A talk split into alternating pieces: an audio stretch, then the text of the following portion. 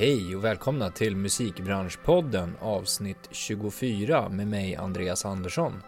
Musikbranschpodden genomförs och produceras ju av oss på DMG Education. Nu när det här avsnittet släpps så är det endast tre veckor kvar till sista ansökningsdag för YH-utbildningen Music Business Developer.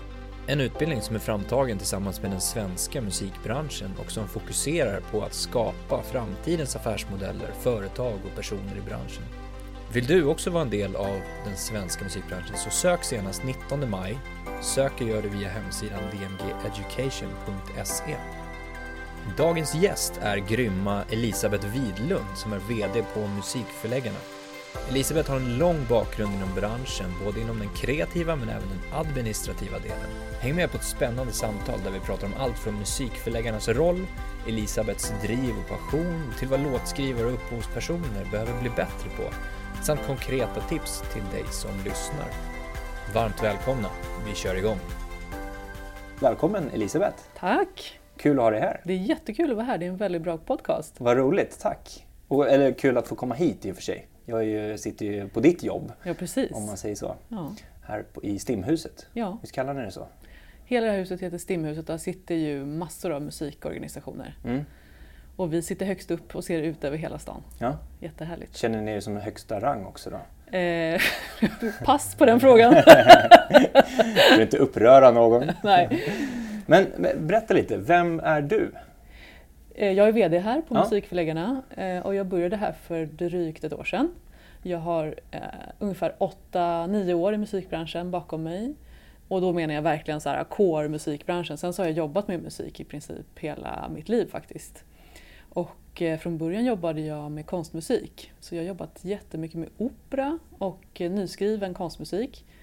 Eh, och även med experimentell dans som producent och sådär. Mm. Spännande. Ja, så jag, och jag sjunger själv och så, så jag har liksom ganska så lång bakgrund och väldigt djup kännedom om musik och Ja. även om upphovsrätt då, som vi jobbar jättemycket med. Ja, Har blivit lite av en sån eh, expert inom det området. precis. Och var kommer det ifrån då? Eftersom du bara har jobbat här i ett år, har du lärt dig upphovsrätten kring andra roller och andra företags... Nej, ja, det har jag företag. lärt mig genom att jobba med de här organisationerna. För jag, jag kommer liksom från den del av branschen där organisationerna finns. Mm. Så jag har jobbat på Musiksverige eh, som är paraplyorganisation. Mm. Och jag jobbar på Sami som är artisternas och musikernas upphovsrättssällskap. Och sen här då, då på Musikförläggarna som företräder förlagen. Mm. Och som även ju eh, har eh, ägarrepresentation i STIMs eh, styrelse. Så vi representerar alla förlag i STIMs styrelse. Precis. Så jag har väldigt mycket med STIM att göra. Mm. Och eh, sen eh, ännu tidigare än så så jobbade jag faktiskt åt vissa av de här organisationerna när jag var PR-konsult. Okej. Så att jag, eh, ja det blir nog en 8-9 år här sammanlagt. Eh, och det, är ju med, det där är ju branschen, liksom, om man vill ha ett fast jobb någonstans eller åtminstone en anställning liksom, så ska man ju jobba på förlag, skivbolag, livebolag eller i en organisation. Det är ju där anställningarna finns. Mm. Så, och jag har, har varit i den här delen då. Mm. Eh, Och gjort och- dina 10 000 timmar så att säga. Ja, jag tror faktiskt jag har det nu. Ja. Om man skulle räkna så, så är det nog så. I alla Ja. fall om man lägger ihop det med alla timmar jag typ har övat noter och Ja. stått på scen och så. Men berätta lite, musikförläggarna. Mm. Vad gör ni liksom på daglig basis? När du säger representerar förlagen, hur, hur menar du då?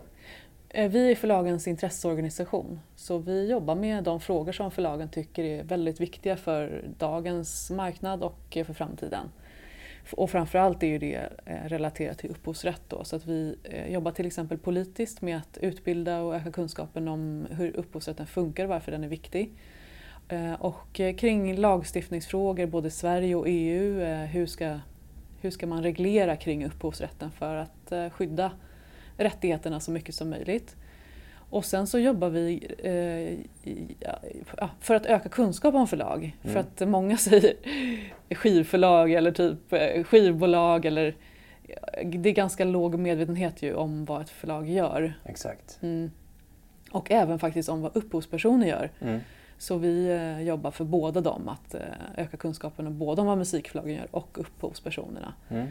Och Eh, sen så, ja, det gör vi på ganska många olika sätt. Vi har ju till exempel en gala eh, som heter Musikförläggarnas pris, mm. även kallad Årets bästa fest, eh, som premierar låtskrivare, kompositörer och textförfattare. Mm. Och den, syftet med den är att öka kännedomen och lyfta fram bra exempel och inspirera. Eh, och vi är ute i media och gör sådana här saker till exempel, alltså ehm, är på utbildningar, branschutbildningarna som finns. Mm. Föreläser, ehm, träffar politiker, träffar tjänstemän som kanske ska eh, eh, sätta politiska beslut i verket.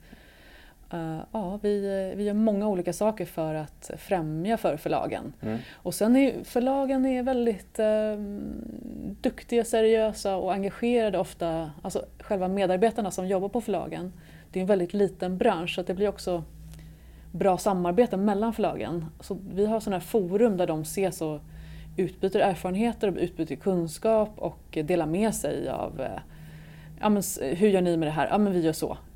Såklart så pratar de inte om priser och sånt, eh, för det får man inte. Eh, och det skulle de nog inte vilja heller. Men, men de pratar om till exempel juridiskt, hur ska man tolka det här? Eller eh, i relation till STIM, typ hur ser era avräkningar ut? Eh, inte i siffror utan liksom rent tekniskt. Vad mm. behöver vi mer för information? Och eh, ja, det, det, för förlagen är det väldigt mycket som har med STIM att göra efter en stor del av deras intäkter kommer därifrån. Mm. Så det är dialog med STIM om olika licenser kanske. Hur ska det vara, innebär det här för förlagen och för uh, upphovspersonerna? Eh, om det kommer nya digitala tjänster så kan vi hjälpa till och vara lite rådgivande. Så hur löser man rättigheterna för det här? Mm. Och sen gör vi en sista grej och det är att vi hämtar in någonting som heter notkopieringsersättning. Så när alla, eh, alltså i skolor och förskolor och kommunala musikskolan, gymnasier och högskola, överallt där noter kopieras så betalar skolorna mm. någonting eh, till en organisation som heter Bonus. Och de där pengarna betalar vi sedan ut till rättighetshavarna. Så att vi hanterar eh, lite som STIM fast vi har bara för noter då. Ja, okay. mm. STIM har inte hand om noter, Nej. noträttigheter. Eller det är som de klass, äh, gamla klassiska sheet music. Det är det det kallas Det är det, ja. det, är det det kallas för på engelska. Ja, ja. Härligt. Ja. Och det var väl det som var mycket ersättningen förr i tiden? Precis, det, och, exakt. Ja, för förlagen ja. Mm. ja. Exakt, man kunde inte sälja musik utan att sälja noten tror jag. Nej. Från början. Precis. Men det kan man ju idag. Ja. Mm ja men spännande. Det låter som att ni har ändå två olika uppdrag, alltså ett internt och ett externt. Alltså när vi pratar internt så att utbilda de redan befintliga aktörerna och de som redan är i musikbranschen. Men sen externt, som du säger, politiker och att, att folket får reda på hur det faktiskt fungerar också kanske. Ja precis. Eh, och då är det ju framförallt jätte, jätteviktigt att politikerna har insikt så att de kan fatta beslut som håller på sikt liksom, och framförallt mm. som värnar upphovsrätten. Eh, och det är ju extremt svårt och nästan omöjligt för dem att veta eh, i detalj hur en lagstiftning som kommer från EU ska påverka svenska förlag och svenska skivbolag och svenska upphovspersoner. Mm. Så det är ju, vårt, vi har ju organiserat samhället så att vi har liksom regering och riksdag och sen så har vi massor av intresseorganisationer som alla företräder särintressen. Mm. Och eh, så funkar vår demokratiska apparat att liksom, vi blir tillfrågade om får svara på remiss som det heter. När det kommer ett lagförslag så svarar vi på det mm. och beskriver precis hur vi tror att det här kommer att träffa och hur det påverkar. Eh, men, men inte bara det att vi reagerar i efterhand på något förslag utan det är också ofta att vi föreslår någonting. Mm. Så att vi liksom är ute i god tid och pekar på. Nu till exempel jobbar vi med att eh, få fram lagstiftning som, gör, som tvingar digitala plattformar att förhandla med rättighetshavarna. Okay. Mm. Och även som tvingar dem att ta ansvar för eh, om det finns olagligt material i deras tjänster. Mm. Jättesvårt att få igenom det här. De har ju oerhörda krafter liksom, om man jämför mm. lobbymässigt. Musikbranschen kan ju verka mäktig och stor och så omsättningsmässigt och tillväxtmässigt så går det bra. Mm. Men vi är väldigt, väldigt små i mm. jämförelse med de stora internetföretagen som använder musik i otroligt hög grad i sina tjänster. Och det är det som människor vill ha också. Men tyvärr då inte ersätter i den omfattningen och de inte heller tar ansvar för material som finns mm. riktigt ordentligt. Vissa är bra men vi skulle vilja se att det reglerades bättre så att det blev lika för alla. Mm. Vad, vad, blir den största utmaningen för er just när det gäller den här digitaliseringen och alla de här nya tjänsterna, plattformarna som kommer?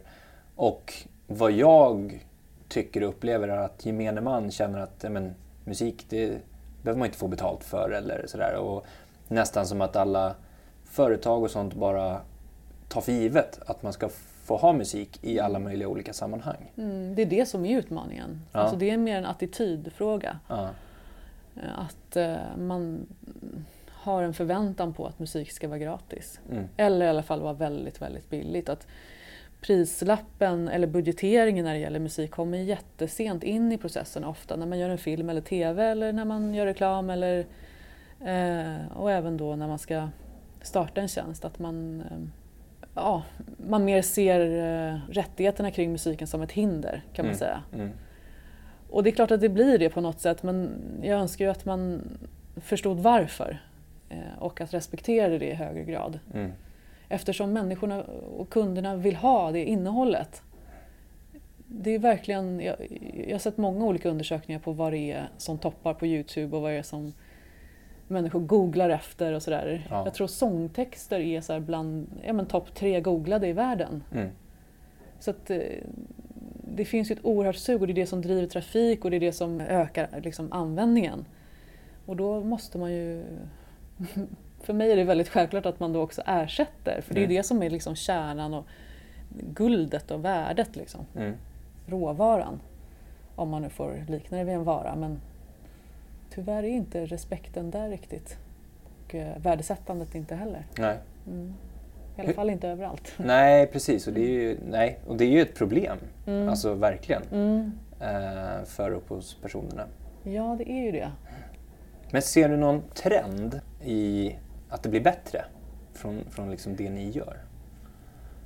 Du menar att våra insatser får någon effekt? Ja, precis. Ja, ja det kan man verkligen se. Ja. Och då kan det ju ibland vara så här att vi får till eh, bara en, du vet att det står en mening någonstans som ingen skulle ha tänkt på om man inte hade varit med i hela det här lobbyarbetet i många, många år och fått till att det där, just det där ordet står på det där stället och betyder att ja, då är, kan det faktiskt vara så att på sikt får vi betalt från Youtube eller Google på ett mycket bättre sätt. Just det. Men det där är inte klart än, så det, det ska ju, EU ska lagstifta kring det under sommaren. Mm. Så eh, där, där, får vi se. Nu, just nu så är det ett läge där eh, det är lite mindre positivt än det var i höstas. I höstas trodde vi verkligen att vi så här, nu har vi nått fram. Mm. Eh, men just nu så, är det, så hör vi liksom både stor säkerhet och stor osäkerhet mm. samtidigt. Så så vi har extra insatser och aktiviteter nu.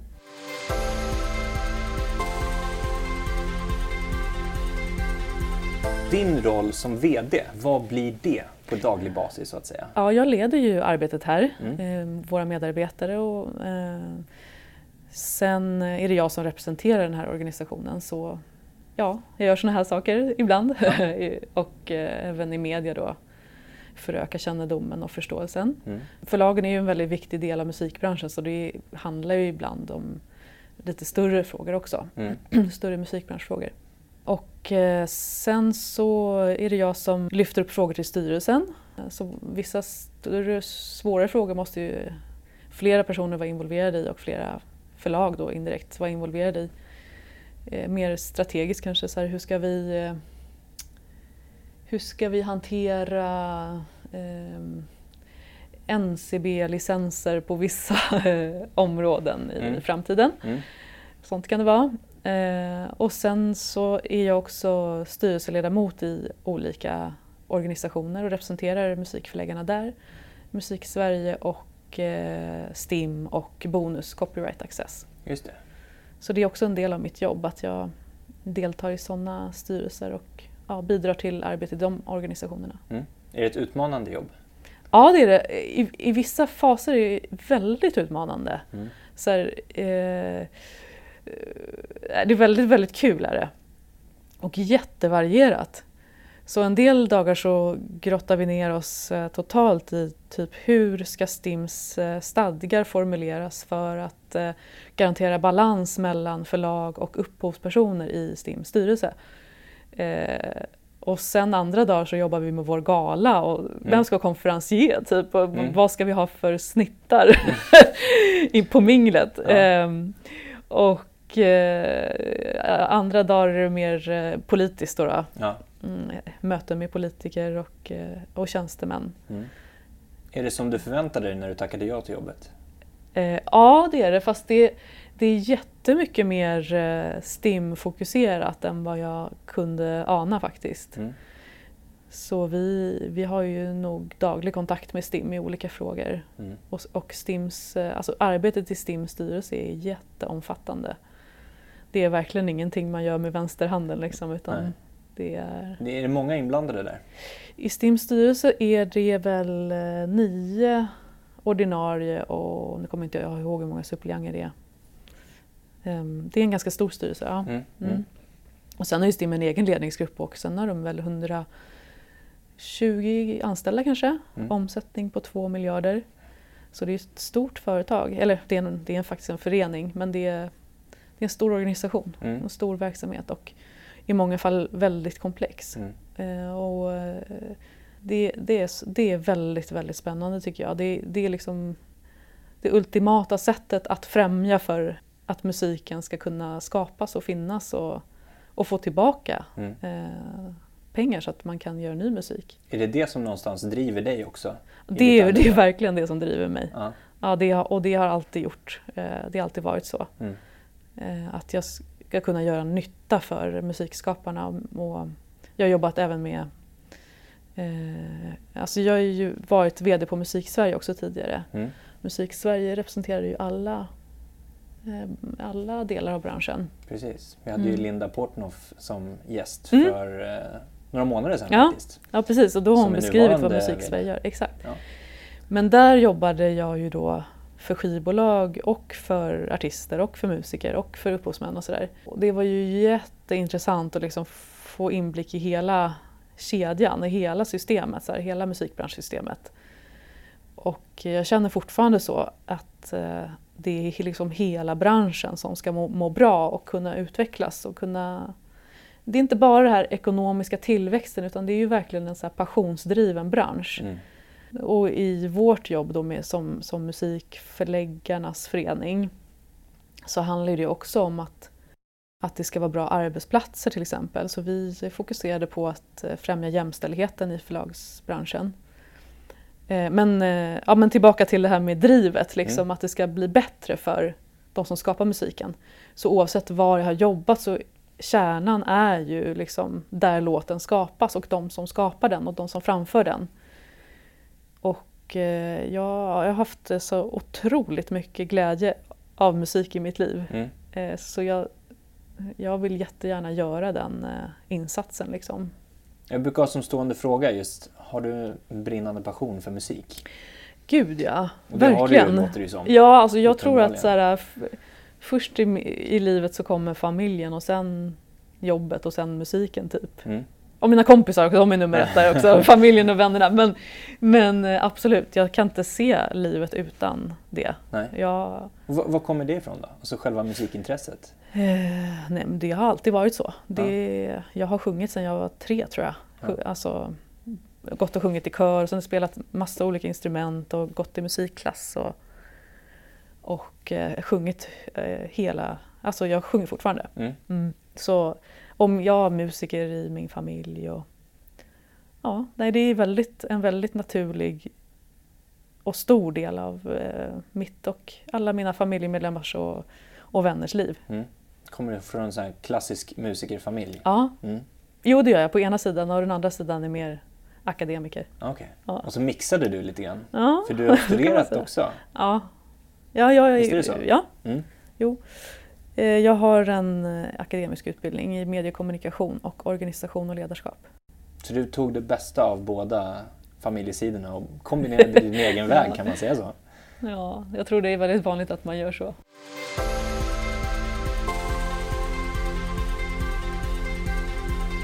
De rollerna du har haft fram tills idag, har du haft något speciellt tänk när du har tagit dig an dem? Att du ska uppnå något speciellt? Eller har det varit just den här passionen för musiken och att vara med och förändra som har drivit dig? Det är nog liksom själva grundstenen. Mm. Fundamentet i att jag har valt att jobba i en sån här, eh, ja, den här delen av samhället. Liksom. Ja. Ehm, Men har du också Ja. på något sätt tänkt att så här, men min egen karriär, hur jag kan utveckla mig själv? Ja, det har jag tänkt på och eh, även pratat mycket med andra om. Alltså, för att när jag, jag antar att liksom de flesta som kanske lyssnar på den här podden är lite yngre och kanske så på väg in i musikbranschen. Eh, och när jag var där, då funderade jag jättemycket på vad finns det ens för jobb Mm. som man kan ha när man vill jobba med musik men kanske inte... eh, Alltså jag vill ju inte bli utövande musiker eller låtskrivare eller kompositör eller så. Och inte heller liksom regissör eller producent, alltså musikproducent. Så jag visste inte riktigt vad, vad finns det för jobb? Mm. De jag, jag kände till det var teaterchef och eh, operachef. Mm. Och sen så visste jag ju scenograf och regissör och sådär. Ja. Alltså, för jag kom ju från den klassiska musiksidan så jag såg ju mest vad som hände kring operascen och konserthus och sånt.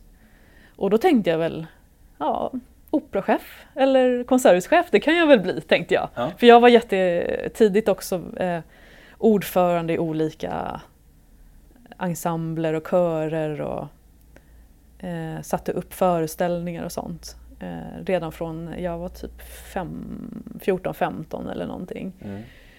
Så jag tyckte alltid att den kombinationen var jätte, jätterolig. Alltså organisation, struktur, processer eh, och det kreativa. Men eh, då på den tiden när jag pluggade, då, alltså när jag gick ut gymnasiet, då fanns det inga sådana här culture management eller eh, music business eller, alltså det fanns ingenting sånt. Nej. Utan jag var tvungen att sätta ihop mitt eget eh, program. Hur tog du reda på vad som fanns då? Eller vad du skulle Jo, läsa? jag googlade väl som tusan fast det fanns nog knappt ens Google då. Men, men, det eh, Alta Vista? Eller? ja. Nej men det fanns, fanns väl någon sån här högskoleportalen eller Ja. någonting. Och så sökte jag på allting som hade med kultur och musik att göra och även då eh, jag fick ju, jag läste kultursociologi eh, i ett år och det är väldigt fokuserat på människors förhållande till kultur och sådär. Ganska flummigt ämne men faktiskt jätte, jättenyttigt. Ehm, och sen kompletterade jag det med eh, organisation och ledarskap, företagsekonomi, statsvetenskap och projektledning. Mm. Eh, Så jag tänkte att om jag har alla de där teoretiska i kombination med mitt musikintresse och så samtidigt så jobbade jag på olika teatrar och sjöng i operakör och sådär. Så att jag hade mycket praktik samtidigt. Mm. Och såg lite grann... Ja, världen inifrån där. Ja, Ja, ja. precis. Men jag hade ju då inte mycket kontakt med den kommersiella musikbranschen. Utan det var ju mer alltså, det man också kallar kulturinstitutionerna. Mm. Med stora symfoniorkestrar och liksom, eh, ballettkompanier och sånt. Det var mer det som jag såg.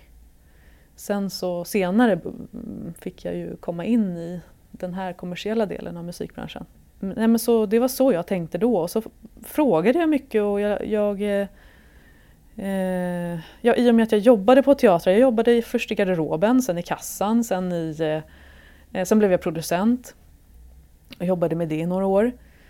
Eh, så ja, det är bara att, man måste bara fråga. Alltså, Mm. Man måste verkligen ta kontakt med folk. Det finns så himla specifika yrken. Det är ju rätt, eh, idag finns det utbildningar som utbildar för liksom ledande befattningar inom kultur och musik. Men det är ju ändå inte att man har ett yrke när man kommer ut. Man är ju inte- liksom inte färdig teaterchef då utan man måste ju ha sin praktik. Man måste ju verkligen öva, öva, öva, öva, öva och göra sina hundår. Och, Mm. och eh, ja, det, jag snabbade på det genom att liksom jobba medan jag pluggade. Eh, så att jag fick den där... Jag var i miljön och fick nätverket och, och känslan. Det låter som att du var väldigt nyfiken också. Ja, jo, men också trivdes jag jättebra. Alltså jag, jag älskade verkligen det. Mm. det. Jag vet inte om du har jobbat på någon, eller varit på någon, bakom scen på någon teater? Ja, några gånger. Jag Ja. har ju jobbat som tidigare ljusrigger Ja. och ljudrigger. Ja. Så mycket turnerande och festivaler och någon, några konserthusturnéer också. Ja, ja, men det är ju väldigt speciell känsla i... Mm. Det kan jag inte riktigt beskriva. Det är något annat. Sen går man ut på gatan och bara va? Finns samhället kvar här? Bussarna går och man går till ICA och Ja. sådär. Men där inne är det verkligen magi. Liksom. Ja. Men hur kom du in i den här kommersiella biten sen då? Jo, då var det 2009 eller någonting och då jobbade jag eh, som PR-konsult. Mm. Först hade jag ett eget företag i fem år och jobbade med PR och affärsutveckling och projektledning för olika konstnärskollektiv eh, och enskilda konstnärer och kompositörer, dansare och sådär. Eh, så att jag jobbade upp min PR och projektledningskompetens som egenföretagare. Och eh, sen, sen blev jag så himla eh, frustrerad ett tag eh, efter, när det hade gått några år där över att det var så jäkla dåliga ekonomiska förutsättningar för konstnärerna. Mm. Oavsett vilken konstform det är så var det så slitigt och hårt och så låga marginaler. Och eh, jag, jag kände liksom med min bakgrund och, och min utbildning och sådär, vad kan jag göra för att det här ska bli bättre? Mm. Och då var jag tvungen att lära mig hur, hur gör man lobbying? Hur gör man eh, så här, kommunikationsarbete på en väldigt eh, avancerad nivå så att man verkligen får igenom samhällsförändringar? Och då sökte jag jobb på en PR-byrå som heter Vestander som jobbar med eh, mycket ideella organisationer och eh, sånt som jobbar utifrån hjärtat Mm. om man säger. Och de hade några kulturkunder också. Eh, Och där fick jag ju lära mig väldigt strukturerat hur man lägger upp lobbyplaner och hur man analyserar eh, debatten på ett eh, strukturerat sätt och sådär.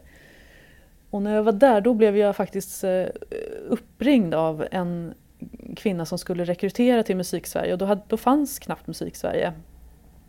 Det, var, det fanns bara stadgar Mhm. och en styrelse. Mm. Och så hade de ju bestämt sig för att de skulle ha en VD för att kunna förverkliga allt sitt, alla sina idéer. Och då, eh, jag var med i den rekryteringen då för eftersom jag hade både musikbakgrund och PR-kompetens.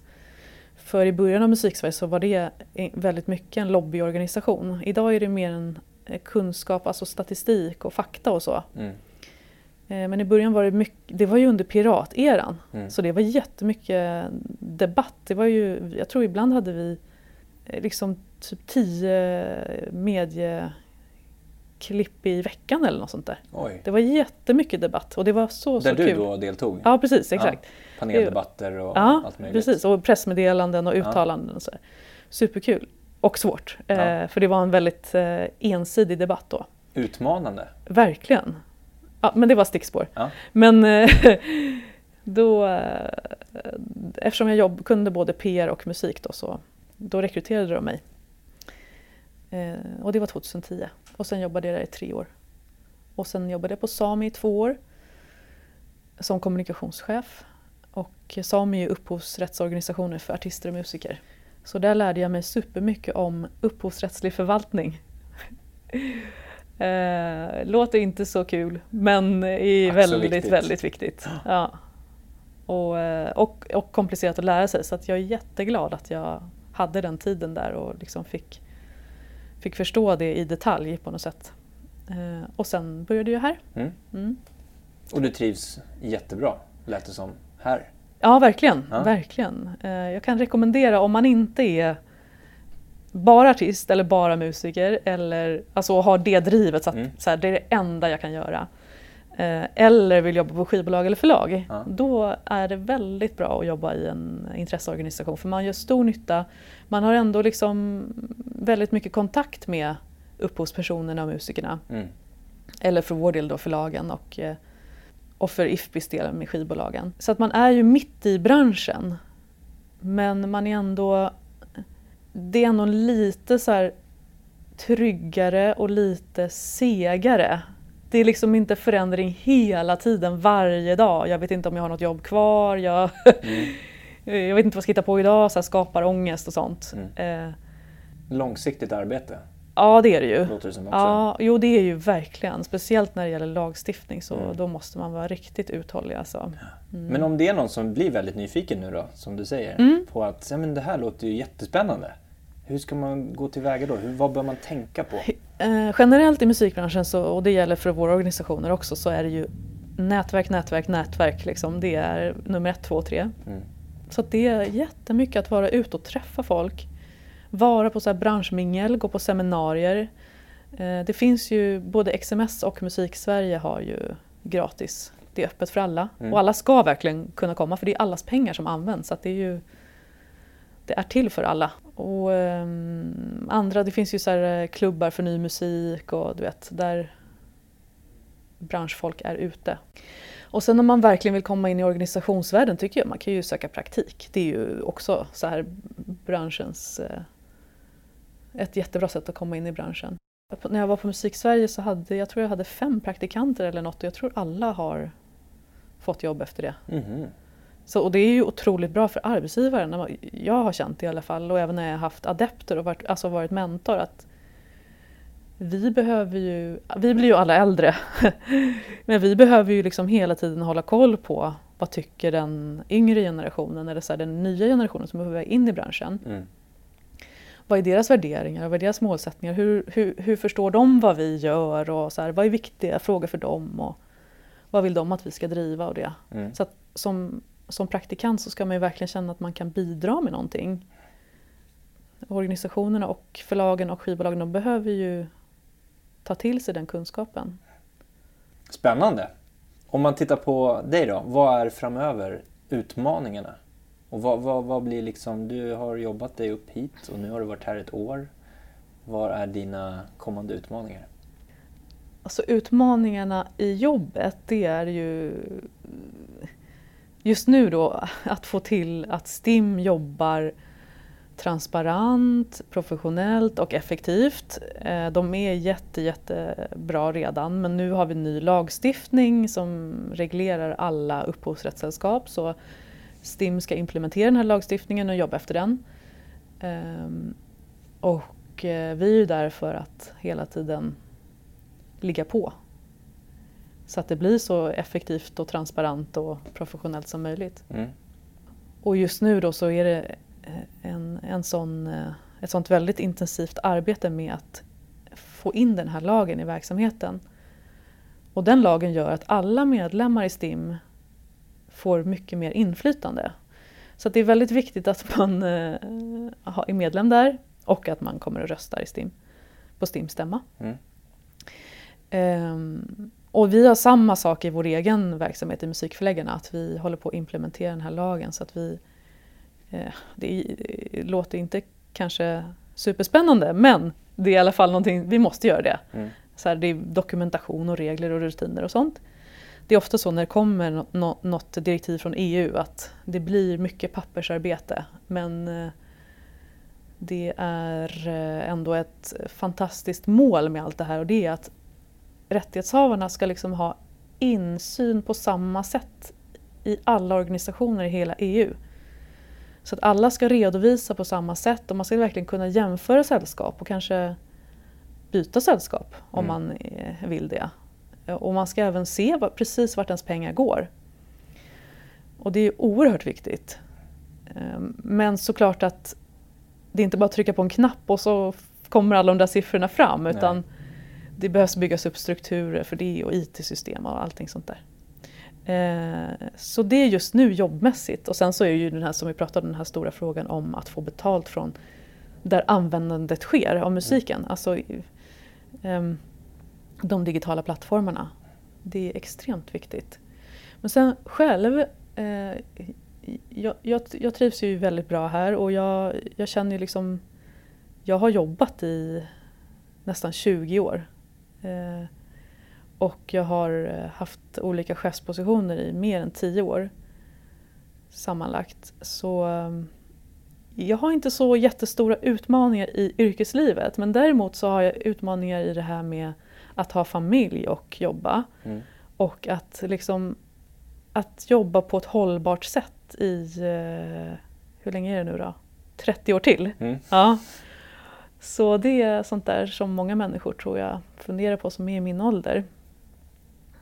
Att eh, ha ett jättegivande och intressant och utmanande arbete och samtidigt barn som ska växa upp på ett bra sätt och hålla ihop familjen och det. Mm. Mm.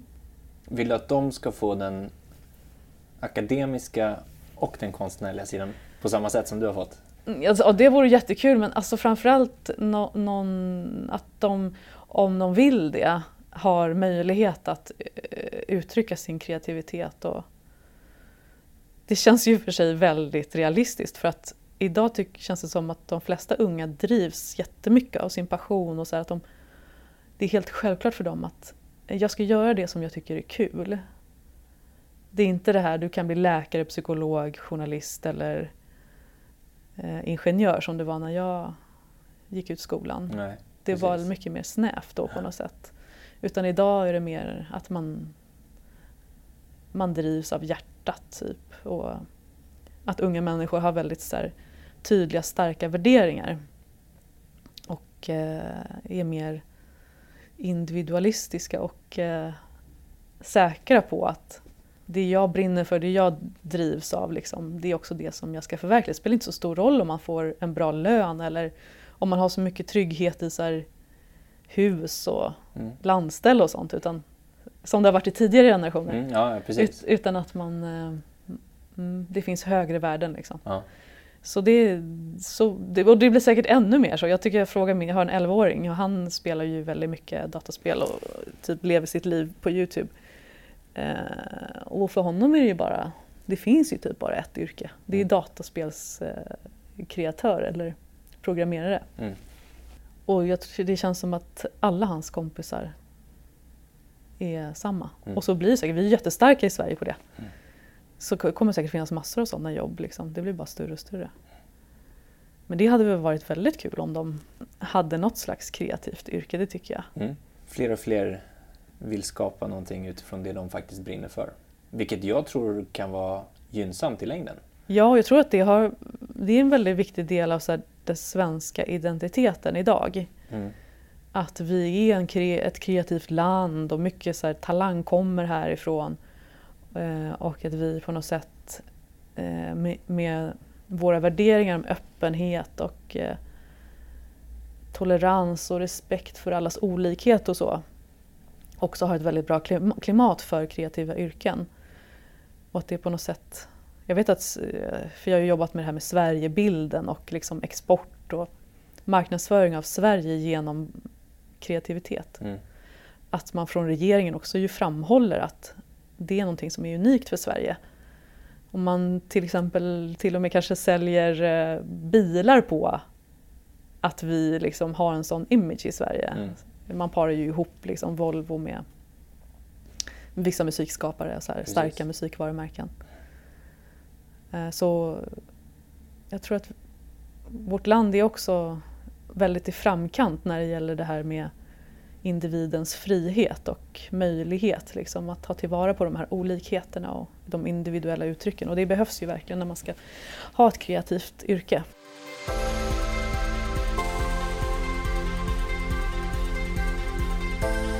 Men om vi går in lite mer på låtskrivardelen, eller låtskrivare, eh, eller upphovspersonerna. Ja. Vad tycker du att de själva behöver bli bättre på? Och jag önskar ju så mycket att de, eller ni då, som lyssnar, eh, skulle engagera er mer Mm. i de organisationer som finns. Och om det inte finns någon som passar, starta ett eget nätverk. Eller för att jag upplever att många som har kreativa yrken är så ensamma. Och eh, många sitter med samma frågeställningar och liksom mm, dels utmaningar i yrket, alltså rent eh, kanske tekniskt eller musikaliskt eller så. Men också det här med att man har ganska eh, lite koll på hur det egentligen funkar med ens rättigheter och intäkter och så. Och var kommer de ifrån och vad är det baserat på? Vilken organisation är det som har hand om det och hur kan jag få, hur kan jag få information? Typ. Man kanske inte ens vet att man kan vara delaktig. Man kanske, en del tror ju att STIM är en myndighet som, Mm. som regeringen har bestämt att den ska finnas och vet inte att det är en medlemsorganisation. Där man faktiskt kan sitta i styrelsen om man nu vill det. Eh, om ett tag Mm. när man har liksom lärt sig lite om hur det fungerar. Så jag tycker att eh, det, det är eh, oerhört viktigt att man hjälper sig själv genom att ta reda på sådana saker och att vara mer om sig och kring sig, liksom med läsa in sig på hur funkar det här egentligen? Mm. Och gå på olika medlemsmöten och så. Det är säkert lite knepigt i början men det, så är det med allt liksom. Mm. Så att jag önskar att man, ja, både att organisationerna såklart skulle vara bättre på att kommunicera på ett enkelt sätt vad det egentligen handlar om. Men också att man som rättighetshavare och medlem mer sökte upp sin organisation och påverkade den och liksom om det nu är så att man känner att här finns det ingen plats för mig, då tycker jag man ska påpeka det. Mm. Så här, jag är den nya generationen eh, och jag ser inte att jag har en plats här. Exakt. Men om typ 10-15 år är det väl jag som står för intäkterna så kom igen liksom. Mm. Mm. Hur kan jag bidra till att ni även blir aktuell för min, eh, mitt gäng? Och rent praktiskt så kan man ju läsa på på hemsidorna till exempel. Absolut, med. absolut. Och man kan gå på årsstämmor. Mm. Eh, och man kan väl, eh, tycker man kan teama ihop sig med några. Mm. Och bara, jaha, är du också intresserad av att sätta dig mer in i STIMs fördelningsregler? Sånt är super, superviktigt. Hur fördelas mina pengar? Eller ehm, vilka avdrag görs från mina pengar? Och vart går de pengarna? Så att man är medveten om och också är med och påverkar sina nuvarande intäkter men också sina framtida intäkter. Ja, det önskar jag verkligen att eh, en större, djupare insikt om att så här, ah, det här är alltså jag. Mm. Jag är en del av det här. Mm. Och jag är lika viktig som alla andra. Mm. Bra svar. Vad skulle du ge för tips för folk som vill ta sig in på något sätt, vilket sätt som helst, i, på någon del i branschen? Ja. För det första är det det här med nätverk, att man Mm. ska ha... Eh, när eh, bolagen och organisationerna rekryterar, då vill de att man redan ska ha ett nätverk. Plus att de rekryterar ju via sina egna nätverk, ofta. Mm. Eh, Så det gäller att vara med i de nätverken då. Och sen praktik, att man har praktisk erfarenhet av branschen. Och du, du, du börjar bara var som helst egentligen, för att det är så liten bransch så att man tar sig vidare. Gör Mm. man ett bra jobb då blir man liksom, jaha men hör med henne eller hör med honom. Så här. Eh, Och sen branschkunskap. Jätteviktigt. Det vet jag att alla efterfrågar. Så där är det ju att man går den här typen av utbildning som, som DMG har och som flera andra YH-utbildningar har och även några universitet och sådär. Att man kan upphovsrätt, att man fattar det upphovsrättsliga systemet. Man, det är jätteviktigt att kunna typ vilka organisationer finns det? Vilka, vilka är förlagen? Vilka är skivbolagen? Och eh, hur allt det här hänger ihop. Och det, eh, det är nog lite svårt att läsa sig till bara utifrån. Det är skitbra att gå en sån branschutbildning helt enkelt. Men också via sina nätverk att man verkligen frågar och så här, hur hänger det här ihop egentligen? Mm. Eh, Och jag tycker inte alls man ska skämmas för att ringa upp någon och bara Du, jag är så intresserad av ditt område, kan inte jag få bjuda dig på lunch eller Får jag komma förbi bara och intervjua dig och sånt där? Jag, jag, jag gjorde själv sånt när jag var yngre. Ja. Och, eh, eh, och jag har haft människor som har kommit hit och gjort sånt eh, under mitt eh, arbetsliv. Och, och det är klart när man ser att någon verkligen har drivet och intresset så då vill man ju gärna promota den liksom till Mm. andra. Mm. Så man ska inte skämmas för att vara lite på tycker jag. Nej, var på och fråga, nyfiken. Ja, och eh, utvidga sitt nätverk Ja. och jobba med det liksom på ett eh, planerat sätt. Ja. kan man ju göra. Ja. Ja. Snyggt, jättebra tips. Mycket bra Tack. konkreta tips. Jättetack för att du ville vara med i podden. Tack själv, det var väldigt eh, trevligt. Ja.